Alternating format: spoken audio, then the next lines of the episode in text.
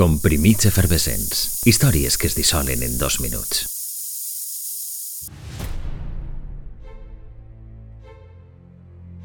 El seu origen se'l reparteixen a mitges dos amics, Spencer Silver i Arthur Fry. El primer inventaria un adhesiu que al principi es va considerar pràcticament inútil, però el segon sabria donar-li un ús pràcticament infinit.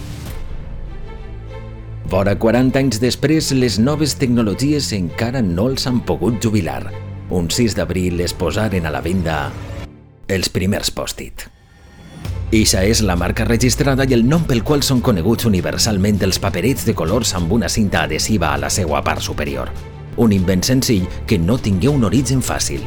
El 1968, Spencer Silver inventaria un pegament d'altíssima qualitat però d'una adherència molt baixa.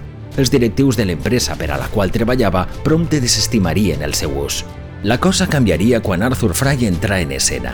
Fry era un home religiós, formava part del cor de la seva parròquia i estava cansat de perdre els separadors de cartó dels llibres de cançons. Cada volta que es queien a terra perdia la pàgina en la que estava i havia de tornar a buscar on s'havia quedat. És aleshores quan va recordar el pegament inútil del seu amic Spencer.